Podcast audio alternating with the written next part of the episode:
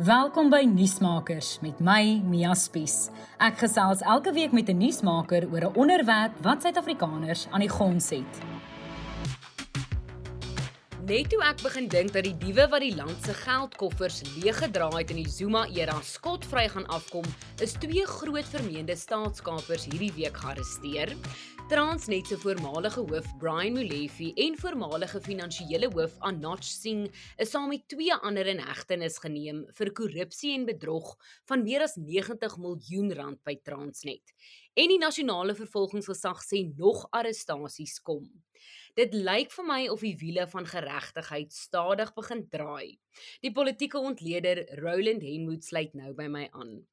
Roland, kan ons maar versigtig optimisties wees na hierdie week se verwikkelinge? Ek dink ons kan, maar ek dink die klem moet val op versigtig. Ehm um, daar is beweging, daar's nou aanklagte gebring, daar's 'n paar baie belangrike name wat deel is van die groep wat aangekla is. En dit dit wys vir 'n mens dat daar genoeg werk gedoen is dat die vervolgingsgesag voel dat hulle nou kan hof toe gaan en dat hulle 'n saak het om aan te bied en 'n saak het om te verdedig en 'n saak het wat waarskynlik in hulle opinie tot 'n skuldige bevinding kan lei. Hulle sou nie hof toe gaan as hulle nie daai items op hulle lysie kon afteken sê goed, hierdie is waar ons voel ons is nou reg daarmee nie.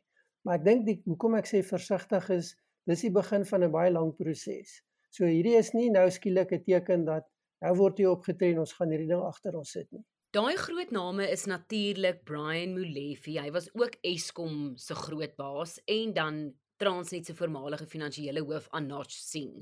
Hoekom word dit as 'n deurbraak te skryf beskryf dat ons hierdie twee in die beskuldigde bank gesien het?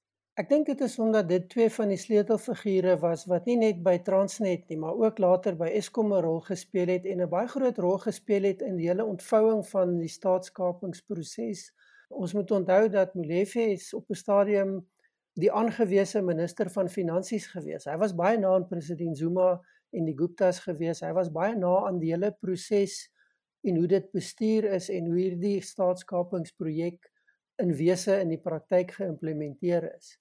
Dit maak hom 'n baie belangrike rolspeler oor 'n breë spektrum van dit wat gebeur het, maar natuurlik ook die manier hoe hy dit hanteer het en wat hy gedoen het sedert hierdie inligting na vore gekom het. Ehm um, sy onskuld bepleit, baie tranerige nuuskonferensie en toe later baie ehm um, veglustig geraak en en dan aspekte wat verband hou met sy optrede. Hoe hy 'n 30 miljoen rand pensioenuitbetaling by Eskom gekry het. Die hof het natuurlik bevind dat dit onregmatig was dat hy dit terugbetaal het, geappeleer, hy die appel verloor. So dis 'n persoon wat met groot geld gewerk het wat nie syne was nie wat aanvanklik die vertroue van baie mense gehad het as 'n baie effektiewe bestuurder en hy het dit misbruik en en hy het 'n sentrale rol begin speel. En dit maak dit baie belangrik dat so invloedryke rolspeler een van die sentrum mense in hierdie proses nou in die hof staan en moet gaan antwoorde gee op dit wat gebeur het en dit wat gedoen is. Die nasionale vervolgingsgesag het nou gesê daar kom natuurlik nog arrestasies. Is daar nog groot name wat jy graag ook in die beskuldigde bank sal wil sien? Ja, daar's nog 'n hele klomp groot name. Ons moet onthou hierdie is nou maar net een aspek van Transnet. Dis nie eers die hele Transnet ehm um, korrupsie saak nie. Dis maar net die die een gedeelte. Daar's 'n hele klomp ander goed wat nog moet gebeur. En dan die belangrike dink ek is dat 'n mens die groot politieke rolspelers begin sien want dit is die mense wat tot 'n baie groot mate dit moontlik gemaak het om baie van hierdie staatskapingsaktiwiteite geïmplementeer te kry. So daar's belangrike politici wat se name genoem is in verslae. Um, ons dink aan minister Mosebenzi Zwane, ons dink aan minister Lynn Brown, ons dink aan president Zuma, voormalige president Zuma. So daar's 'n hele klomp mense. Dan is daar natuurlik ook mense wat en ek sê dit versigtig op mindere gronde ook uitgewys is deur die Zondo-kommissie, uh, die die voorsitter van die ANC minister Kweri Mantashe wat ook uitgewys is dat hy ondersoek moet word vir korrupsie. So hierdie is maar die begin en dis 'n baie klein groepie mense in 'n baie groter projek wat wat nou in die eerste fase van die die die regsproses moet gaan verantwoording doen. Maar daar's 'n klomp name wat nog uitstaande is.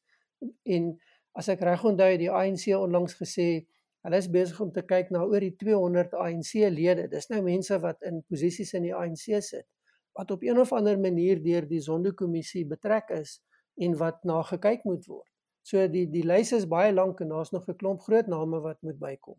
Hierdie is nou net die oortjies van die seekoe. Ons weet nou hierdie spesifieke ehm um, saak hou verband met daai omstrede lokomotief kontrak by Transnet van ek dink 2014 of 2015. En dit is 'n hele klomp jare gelede. Hoekom vat dit so lank? Dit voel vir my as die wiel, wiele van geregtigheid begin draai, draai dit regtig stadig in Suid-Afrika. Maak dit mens mismoedig of moet mens eintlik nou optimisties begin raak?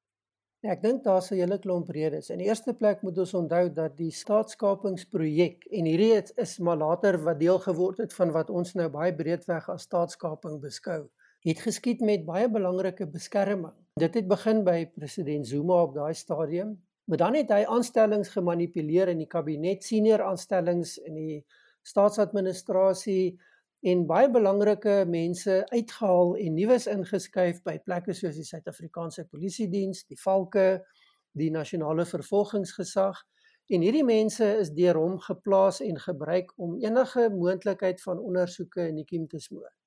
Hy het ook baie effektief die ANC as politieke party en die parlement gebruik om baie duidelik te keer en baie direk te keer dat enige ding gedoen word wat hy nie wou hê moet gebeur nie en veral rondom ondersoeke wat gedoen word. Daar was al op daai stadium reeds baie stories wat rondgegaan het, maar dit het nooit ondersoek tot gevolg gehad nie. Dit het eers later gekom. So dit vat lank omdat die werklike ondersoeke na hierdie projekte of nooit gebeur het nie of tot so groot mate in die wiele gery is dat daar geen vordering was nie.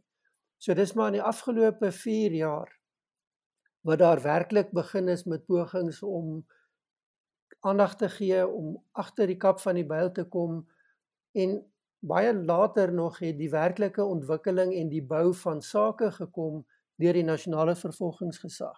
Met ander woorde sake wat voor die hof, howe gebring kan word waar mense nou aangekla word en tot verantwoording geroep word. So ja, dit het lank gevat, maar dis nie net die regsproses wat stadig is nie. Dit was ook die deel van en een van die onderliggende beginsels van staatskaping was om te keer dat hierdie tipe prosesse aan die gang kom. En wat 'n groot rol het die Zondo-kommissie gespeel in wat ons nou sien? Is dit nou ook daai ons weet daai kommissie het die belastingbetaler miljoene rande gekos, begin dit nou vrugte afwerp? Ja, ek dink nie mense moet die belang van die Zondo-kommissie onderskat nie. En ek weet daar's baie mense wat ongeduldig is wat sê dit was 'n onnodige klomp geld en dit ons nêrens gebring nie. En en dan ook uitsprake soos die van president Ramaphosa die afgelope 2 weke wat sê dat die Zondo-kommissie is nie bindend vir die ANC nie. Dit krap mense om want die vraag dan is maar hoekom het ons deur hierdie proses gegaan en al hierdie geld spandeer? Ek dink 'n mens moet egter baie versigtig wees. Sonder die kommissie se werk, die ondersoeke wat gedoen is en dan baie belangrik, die feit dat dit nie openbaar gebeur het en baie aandag getrek het. Daarsonder sou ons waarskynlik nie gevorder het en so vinnig gevorder het. En ek sê vinnig in relatiewe terme om te verstaan wat gebeur het en dan die hofsaake te sien wat nou begin nie. Die kommissie het 'n klomp werk gedoen, het dit moontlik gemaak vir die vervolgingsgesag wat nie die kundigheid gehad het nie, wat nie die hulpbronne gehad het nie. Hulle begrotings is gemanipuleer om hulle te verswak. Dit vat tyd om daai goed reg te maak en die kommissie het waarskynlik 'n baie groot rol gespeel en ek dink ons gaan in die toekoms eers sien hoe groot die rol werklik was om dit moontlik te maak dat hierdie sake vinniger hanteer kan word en dat daar op 'n stadium 'n proses gaan wees waar mense aangekla gaan word en hopelik skuldig bevind gaan word indien hulle skuldig sou wees. Sonder hierdie kommissie sou die meeste van hierdie sake waarskynlik baie langer gesloer het en dalk sou baie van die belangrike name nooit in die hof verskyn het nie want daar's dit sou nie moontlik gewees het om dit reg te kry nie. Wat presies het president Cyril Ramaphosa bedoel toe hy gesê die staatskapingskommissie se aanbevelings is nie almal bindend tot die ANC nie, net um, in layman's terms? Ek dink die die argument het gegaan veral rondom die hofsaak wat die DA gebring het oor kaderontplooiing wat Zondo baie uitdruklik gesê het dis ongrondwetlik. Die ANC se argument is dit is nie noodwendig onwettig nie. Ehm um, hulle het foute gemaak, maar dis die party se reg om so benadering en so praktyk te volg. En deel van die verweer van die ANC is dat hierdie is bevindinge van die Zondo-kommissie, maar dis 'n kommissie van ondersoek, dis nie 'n regbank nie. So die kommissie se aanbevelings moet ernstig na gekyk word en van dit sal direk geïmplementeer word, maar dis nie noodwendig dat alles daarvan geïmplementeer gaan word nie, want dit is nie bindend nie, dis nie 'n wet nie en dit is nie 'n hofuitspraak wat bindend is nie. So tegnies kan mens waarskynlik argumenteer dat president Ramaphosa reg is in hoe hy dit breedweg interpreteer. Ek dink ongelukkig is dit net polities op 'n baie slegte tyd wat hy dit doen. Die tydsberekening is nie reg nie. Die omgewing is nie vatbaar vir hierdie argument nie, want mense wil nie nou meer luister na tegniese argumente nie. Die Zondo-kommissie was baie duidelik in wat sy bevindinge was en waarom daardie bevindinge en aanbevelings gemaak is. En die druk is definitief op die president en die ANC as regerende party om baie erns te maak met hierdie bevindinge en dit waarskynlik in die oë van baie mense net so te moet gaan implementeer. As ons praat oor tydsberekening, ons weet natuurlik dit is Desember die ANC se presidentsverkiesing wat natuurlik sal bepaal of president Cyril Ramaphosa nog die leier van die ANC gaan wees.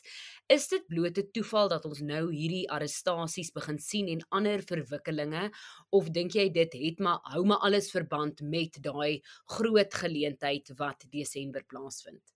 Ek sou baie versigtig wees om dit direk te gaan koppel aan Desember, want dit sou beteken dat die ANC die prosesse van die nasionale vervolgingsgesag en die spesiale ondersoekeenheid en ander ehm um, wetstoepassingsagentskappe direk beheer en besluit wanneer wat gedoen word.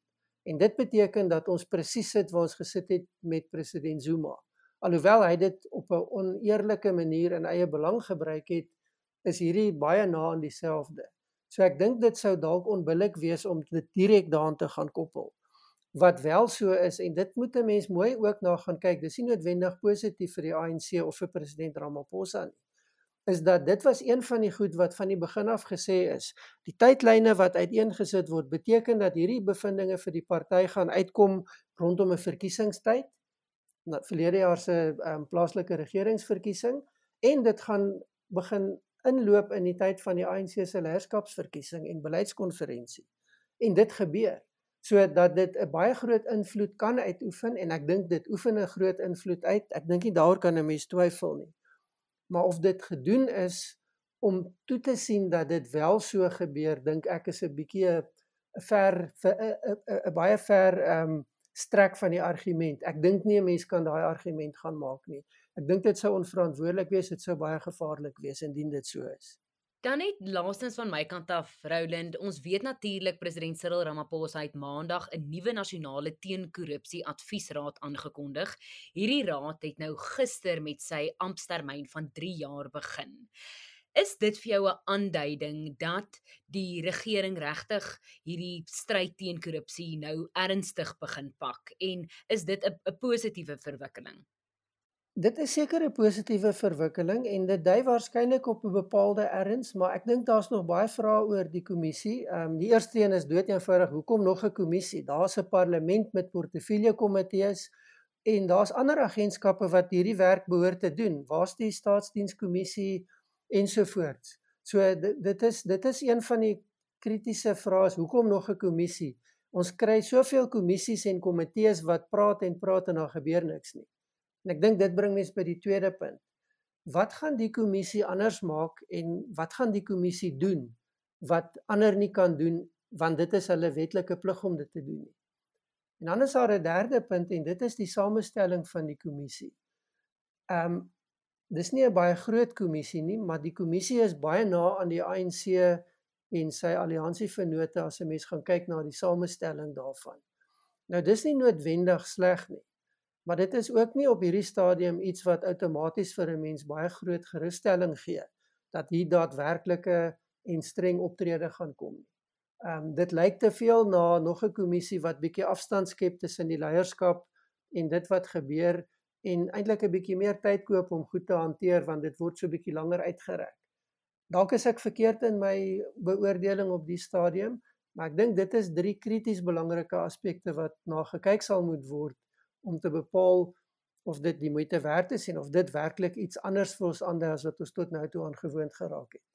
So die regte geleide word gemaak, daar word stappe in die regte rigting geneem, maar daar lê nog 'n lang pad voor. Is dit eintlik wat ons moet weet? Daar lê 'n lang pad voor en dan dink ek ja, geleide word gemaak, maar daar's nog baie vrae oor het ons die lesse geleer wat ons moet leer en het ons die prosedures in plek gestel wat keer dat dit weer gebeur. En dit gaan ons nie weet voor 'n hele paar jare in die toekoms in nie. Nuusmakers met Mia Spies is 'n produksie in samewerking met die Potgooi Produksiehuis Volume. Ons vervaardigers is Roland Perolt en Kairen Blau. Moenie volgende week se episode misloop nie wanneer ek weer by 'n kenner aanklop om lig te werp oor 'n kwessie waaroor ons meer moet weet.